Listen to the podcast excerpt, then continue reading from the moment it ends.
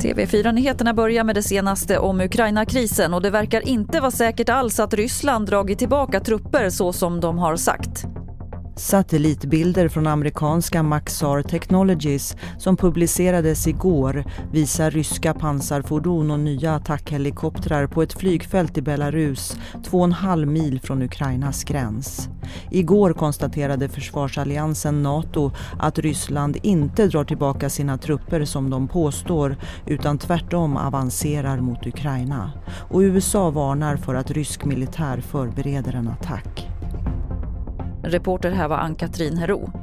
Dödssiffran stiger efter jordskredet i Brasilien norr om Rio de Janeiro. 94 människor har bekräftats döda och minst 35 saknas fortfarande. Det var ett kraftigt skyfall som ledde till störtfloder och jordskred som drog med sig hus, bilar och träd. Räddningsarbetet fortsätter och nödhjälp har skickats till regionen. I tisdags kväll blev en bibliotekarie på ett bibliotek i Göteborg misshandlad vid stängning. Det rapporterar lokala medier. Bibliotekarien ska ha bett ett gäng ungdomar lämna lokalerna och det var då misshandeln hände.